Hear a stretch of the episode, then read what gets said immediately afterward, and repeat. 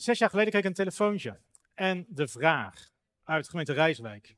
Eugène, we hebben hier vier mensen, moeten aan het werk, want ze hebben een uitkering.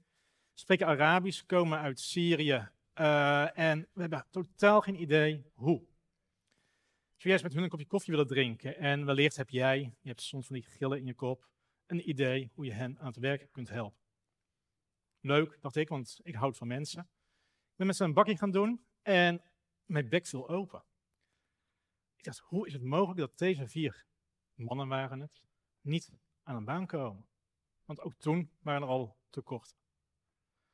Ik ging in mijn netwerk bellen en binnen drie weken hadden ze alle vier een kennismakingsgesprek. En binnen een maand hadden er drie van de vier een job. Ik dacht van, nou, mooi, trend is gezet. Nu gaat iedereen dat kopiëren. En we zijn inmiddels zes jaar verder. En we hebben nog steeds heel veel gesprekken, seminars, events over inclusie, over diversiteit, over statushouders. Hoe brengen we ze aan het werk? En we vinden het nog verdraaid moeilijk. Ik kom hier de komende 20 minuten wat delen, wat inspirerende uh, woorden brengen. En ik hoop dat in ieder geval één iemand morgen het idee heeft, Ali Bakkerat inderdaad, morgen één het idee van, oh dat verhaal van gisteren heeft me zodanig getriggerd. Ik ga mezelf challengen om bij mijn volgende procedure tenminste twee statushouders ook op gesprek te krijgen. Heb je daar hulp bij nodig? Bel me vooral op. Um, wist je dat er zo'n 285 miljoen mensen blind zijn? Zo'n 1 uh, eh, miljard mensen uh, neurodivergent.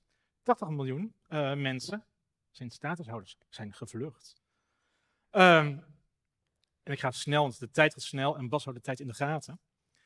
Van die groepen, 96% van die blinden, geen werk. Van de statushouders, vluchtelingen, weten we het niet. En ja, hoe ga je die mensen inclusief bij betrekken? Zeker in deze markt. We hebben toch van die tekorten. Ik wil jullie gaan inspireren, met name rondom de statushouders. Tegelijkertijd, ik ben onderdeel van Jobs for Humanity. Het gaat om mensen. Een aantal topics ga ik um, met jullie behandelen, doornemen. Van één, wat is nou precies die statushouder, die vluchteling? Wat zijn die uitdagingen? Uh, wat zijn de best practices? En hoe kan je toch helpen op het moment dat je ze eigenlijk moet afwijzen? Want laten we wel zijn, ook dat komt voor. Statushouders, een vluchteling. Iemand die huis en haard heeft moeten verlaten vanwege oorlog, een natuurramp. Maar ook iemand die wellicht in land van origine een leraar was, een advocaat, een docent, een verpleegkundige, een IT'er, iemand met dromen, iemand met een carrière, iemand met een baan. Wat zijn nou die uitdagingen waar zij tegenaan komen? Dat stigma. Ik spreek heel veel recruiters, werkgevers, hiring managers, die denken van, oh, statushouders, moeilijk, trauma, stress. Ik was dezelfde denken van, oh, benieuwd. Wat hebben ze gestudeerd? En die universiteiten daar, of die hogescholen, hoe werken die daar? Wat is de passie van deze man, vrouw? Welke drive? Waar kan hij, zij ons komen brengen? Het label statushouder kleeft enorm. Waarbij ik denk, wanneer ik over straat loop en ik val neer met een hartstilstand, en knielt iemand bij mij neer, dan ga ik me niet afvragen van, oh wacht eventjes. Ben jij homo, lesbi, uh, blind, doof, statushouder? Ik hoop vooral dat hij, zij, verstand heeft, ervaring heeft met reanimatie, een hartmassage en mij kan helpen. Toch? Dus een uitdaging, eventjes je voor ingenomenheid weg. Eventjes gewoon kijken van, joh, welke man, vrouw, welk mens heb ik tegenover me? En ja, ze komen uit landen waar ze een andere taal spreken, waar ze een andere cultuur hebben. En we kunnen daar het probleem in zien. Maar we kunnen ook zien, van, oh, wat kunnen we van hun leren? Professioneel netwerk. Hebben ze niet. En ja, waar vind je ze dan? Want heel veel mensen hebben ook geen LinkedIn. Of misschien hebben ze wel een LinkedIn, want ze zijn met de gemeente gekomen, kreeg een uitkering, een sociale woning. En ja, ook natuurlijk een traject, want je moet naar het werk. Dus we gaan voor jou een LinkedIn-profiel eh, maken, want alle recruiters zoeken op LinkedIn. En Ali, Mohammed, Fatma, die vinden dat prima. Uh, jouw consulent maakt voor mij maar een LinkedIn-profiel. Joepie, ik heb er één. Moet er een fotootje op? Hier heb je een fotootje. Vervolgens doen ze er niks meer mee. Eén connectie, twee connectie, niet zichtbaar. Dus daar ga je ze ook niet eentje drie vinden. Dus je zal, als je daadwerkelijk met hen aan de slag wil, naar hen toe moeten gaan. En waar zitten ze dan wel? Facebook zitten ze heel veel. Maar waar komen ze ook heel erg veel? In de kringloopwinkel. Bij de talenscholen hebben ze hele bestanden. Met UAF, hele programma's. En waar zitten ze allemaal? 80% zit bij de gemeente. Ze hebben allemaal een bijstandsuitkering. Daar zitten grote bakken. En ja, de gemeente is niet de meest snelle partij als het gaat om even snel die matches, maken. Laat dat nu net onze expertise zijn. Hoe gaaf is dat? Hoe kansrijk is dat? Uh, die diploma's, ze zeggen me helemaal niks. Kijk, een heel mooi certificaat met heel veel stempels. Als al een certificaat is. Want nou ja, als je gaat vluchten, ze konden niet alles meenemen. Uh, die diploma's zeggen ons niks. Die instituten kennen we niet. True. Hoe belangrijk is dat echt? Hoeveel jobs zijn er wel niet dat we vooral gaan kijken naar de skills? Wat kan je leren? Wat kan er wel? En natuurlijk zijn ook de uitzonderingen. Maar laten we ons niet gaan blind staren. En vanochtend hoorden we al, stond ook al in de krant, wellicht komen we nu in de trend dat we meer kijken naar de vaardigheden, skills en persoonlijkheid dan naar die papiertjes. Ik moedig het aan. Het geeft ook deze groep meer kans. En dan zegt die werkgever, die recruiter van ja, maar Eugène, ze hebben een gat op hun cv. De laatste drie, vier, vijf jaar hebben ze niks gedaan. Nou ja, ho, ho, niks gedaan. Ze zijn wellicht gelopen van Damascus naar de kust. En vervolgens de grens overgegaan, misschien nog op een bootje gedobberd. Ik denk dat ze heel veel hebben gedaan. Maar inderdaad, op professioneel vlak niet zoveel. Mind you. Laten we daar niet bij stilstaan. Dat we vooral gaan kijken wat ze kunnen gaan doen, wat ze kunnen gaan brengen. En ja, ieder land, we zijn hier met z'n allen in Nederland, heeft regeltjes over wat wel mag en wat niet mag. In Nederland mag er gelukkig heel veel. Sterker nog, er moet heel veel. Want ze krijgen een uitkering, dan moet je werken. En bij werken is gepast werk. En al het werk is gepast. Geef de kost die vanuit een gemeente met een opleiding op HBO, WO-niveau, nu ergens schoonmaakwerk, productiewerk en horeca staan. Dat is allemaal eerlijk werk hoor. Wat een talent en wat de kwaliteiten aan het weggooien zijn. En wij willen die mensen vinden voor onze organisaties, toch? Maar goed, jullie zijn overtuigd, jullie gaan die mensen uitnodigen, dan zit je daar op dat gesprek. En wat dan? Hoe gaaf is het wanneer je iemand tegenover je hebt met een geschiedenis, met een passie, om gewoon het gesprek aan te gaan van mens tot mens. Het is geen rocket science. Haal het label weg. En laat ze praten. Maar durf ook zelf te vertellen. Want ook voor hen is de wereld nieuw. En niets mooier, vaak is het hun eerste of hun tweede sollicitatiegesprek. Wanneer jij ook iets over jezelf deelt, over jezelf vertelt, over hoe jij in jouw rol beland bent, welke stappen jij hebt gemaakt. Dat vinden ze nog veel waardevoller dan op het einde de go of de no-go te krijgen. Praat over het vak, niet over, joh, vertel eens, hoe zwaar is het om vluchteling te zijn? Joh, die oorlog, best wel kloten, hè? En uh, joh, die vlucht, wat heb je daar allemaal uit geleerd? Kan je de drie eigenschappen noemen die die vlucht voor jou gaan helpen voor ons bedrijf? En je kunt erom lachen, maar in de praktijk worden dat soort vragen gesteld.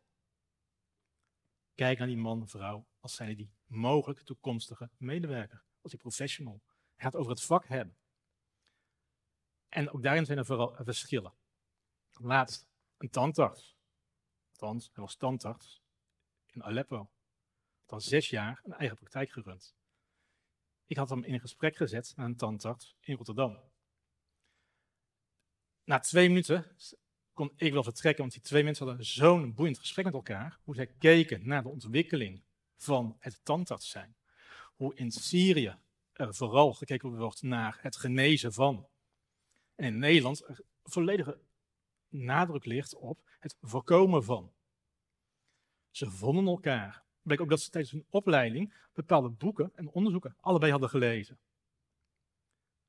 De Syrische tandarts die zei van, joh Eugène, wat was dit een gaaf gesprek en wat leuk. Sinds vier jaar heb ik weer een vakgenoot ontmoet, over het vak gesproken, maar vier jaar lang iedereen tegen mij heeft gezegd, haal het uit je hoofd dat je hier in Nederland ooit tandarts wordt. Want de verschillen zijn te groot. Heb ik denk dat je echt inhoudelijk kunnen praten. Die Nederlandse tandarts, die zegt van, joh Eugène, wat was dit leuk. En ik zie kansen. Want we hebben ook tekort aan mondhygiënisten. En deze man heeft veel vaker een wortelkanaalbehandeling gedaan dan ik. In zijn techniek, in het behandelen, is hij veel sterker dan ik. Ja, ik ga deze man mijn praktijk inhalen. Hij moet nog heel veel leren, maar ik kan ook heel veel van hem leren. Dan denk ik van, hé, hey, wat gaaf.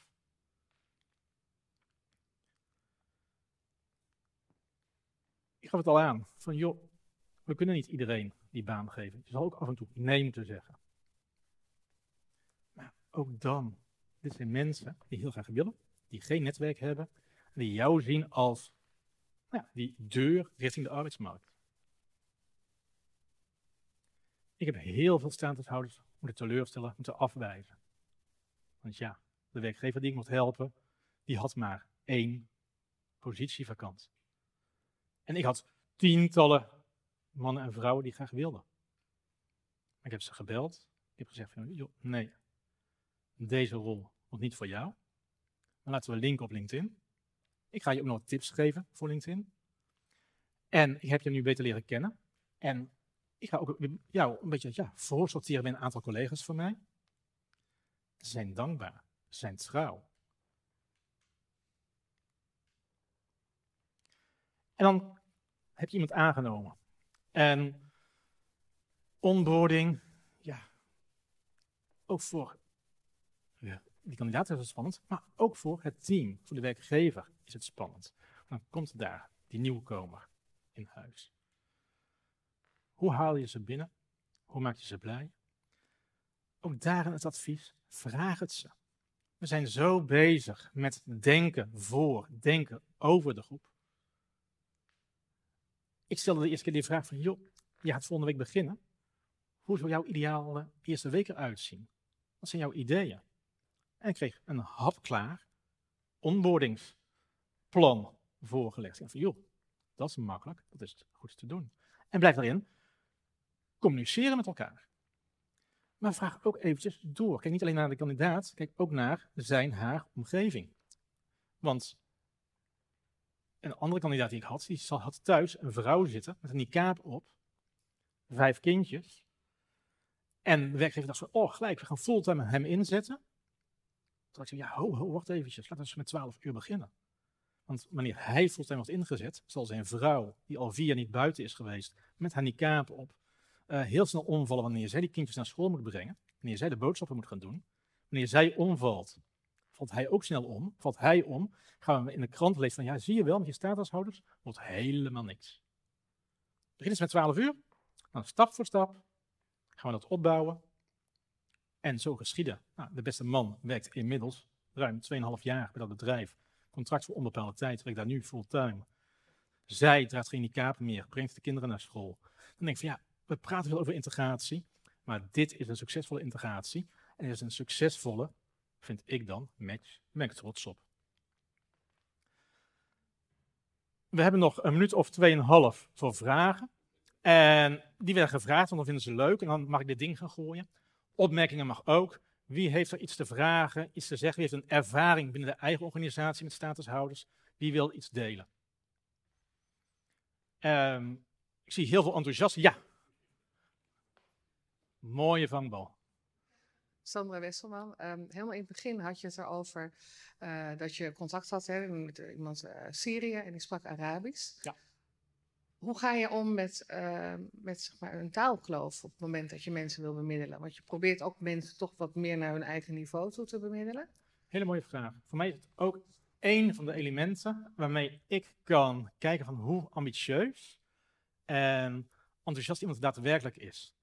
Op het moment dat ik een jongen of een meisje tegenover me heb en zegt van joh, ik ben hier nu vier jaar in Nederland, ik ben enorm uh, ambitieus en wil deze baan hebben, dan hebben we het gesprek in het Engels. Dan zeg ik van oké, laten we in het Nederlands verder gaan. Nee, mijn Nederlands is nog niet zo goed. Dan stel ik ook de vraag van joh, hoe komt dat? Want ik ken ook mensen die hier één jaar zijn, die al behoorlijk goed Nederlands spreken. Dus voor mij is het ook een criteria waarop ik kan selecteren, waarop ik kan vragen, waarop ik kan zien van, uh, walk your talk. Daarnaast, om wat voor type werk gaat het? Ik kom bij werkgevers en dan gaat het om een rol als vakkenvuller. Buiten uh, sluitingstijden, dan kijk een afwijzing van, ja, hij spreekt toch te slecht Nederlands. Denk van, ja jongens, ik vind dat een KUT-excuus. Want hoe belangrijk is je Nederlands nodig voor vakken vullen, wanneer er en geen klanten in de zaal zijn? Punt, je wil niet. Ook goed, maar zeg dat dan eerlijk. Voor een docent Nederlands snap ik heel goed dat je daar geen Iranese voor de klas gaat zetten. Hoe didactisch ze ook onderlegd is, niet handig. Mijn moeder ligt nu in het ziekenhuis en wordt behandeld door een arts die heel kundig is in zijn vak. Volgens mij komt hij uit Iran. Ze baalt ervan dat ze hem niet zo goed kan verstaan. ze zegt wel heel fijn van, joh, het schijnt wel een van de beste professoren, artsen van Europa te zijn. Taal is belangrijk, maar communicatie is nog veel belangrijker. En we communiceren met veel meer middelen dan taal. Ja hoor. Um, hoe leg je het eerste contact? Want op een bepaald moment, hè, als mensen uit uh, asielzoekerscentra komen, omdat ze statushouder zijn geworden, krijgen ze een huis. Um, als ik het dan even heb, praktisch heb, hè, over inderdaad, je hebt het over vakkenvullers, dat soort beroepen. Hoe kom je dan met die mensen in contact? Het is een hele hechte gemeenschap zelf. Dus ik zorg dat ik in contact kom met de community. Waarbij heb ik ze gevonden? Ik ging naar de talenscholen.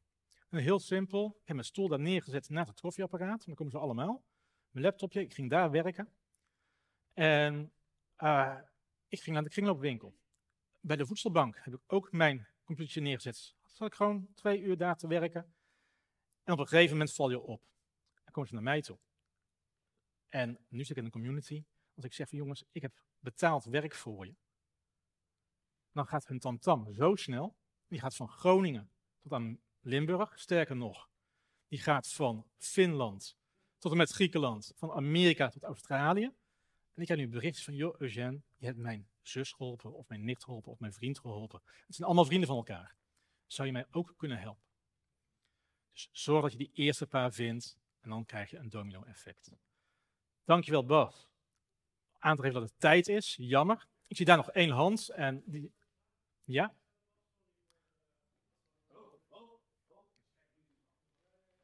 Ja, dit is allemaal live, dus ja. Um, ik heb een vraag. Mijn naam is uh, Kevin Wouters. Ik ben recruiter bij Time to Hire en bij Priva. En ik geef ook taalles aan een vluchteling in mijn vrije tijd. Cool. Om iets terug te geven. Ja. Dus ik heb um, ook van dichtbij gezien hoe lang het duurt voordat je statushouder wordt ja. en mag werken. Absoluut. Um, wat dus dat gat op het cv veroorzaakt, waar we het net over hadden. Is er iets wat wij mensen kunnen doen om dat gat op het cv door de statushouding, door dat politiek daar heel lang over doet voordat het zover is. Is er nog iets wat we daarin kunnen doen om dat gat juist te dichten? Ja, en het lastig dat ik nu even maar vijf seconden heb. Maar besef dat deze mensen heel lang een speelbal zijn van ons systeem. Een systeem dat heel goede intenties heeft, waar ook heel veel goede elementen in zit, maar hierin niet is voorzien. En op het moment dat je net eventjes die moeite kunt, wilt en gaat nemen, kun je wel zo iemand helpen van zo'n gat op een andere manier te duiden. Want ga maar eens vragen. Ze doen met een ander vrijwilligerswerk voor een voedselbank. Uh, ze helpen elkaar. Uh, ze helpen met voorlezen of met leren bij de bibliotheek. En op het moment dat je dat als recruiter met jouw ervaring kunt hertalen, anders kunt duiden, doordat het gat opeens heel anders uit gaat zien, help je ze. Dus laten wij het voorbeeld geven, ook aan onze collega's, op een andere manier naar dit gat te gaan kijken. Door en heb plezier in die ontmoetingen en in die reis. En het verrijkt niet alleen die vluchteling, ook jou. Nogmaals, dank jullie wel.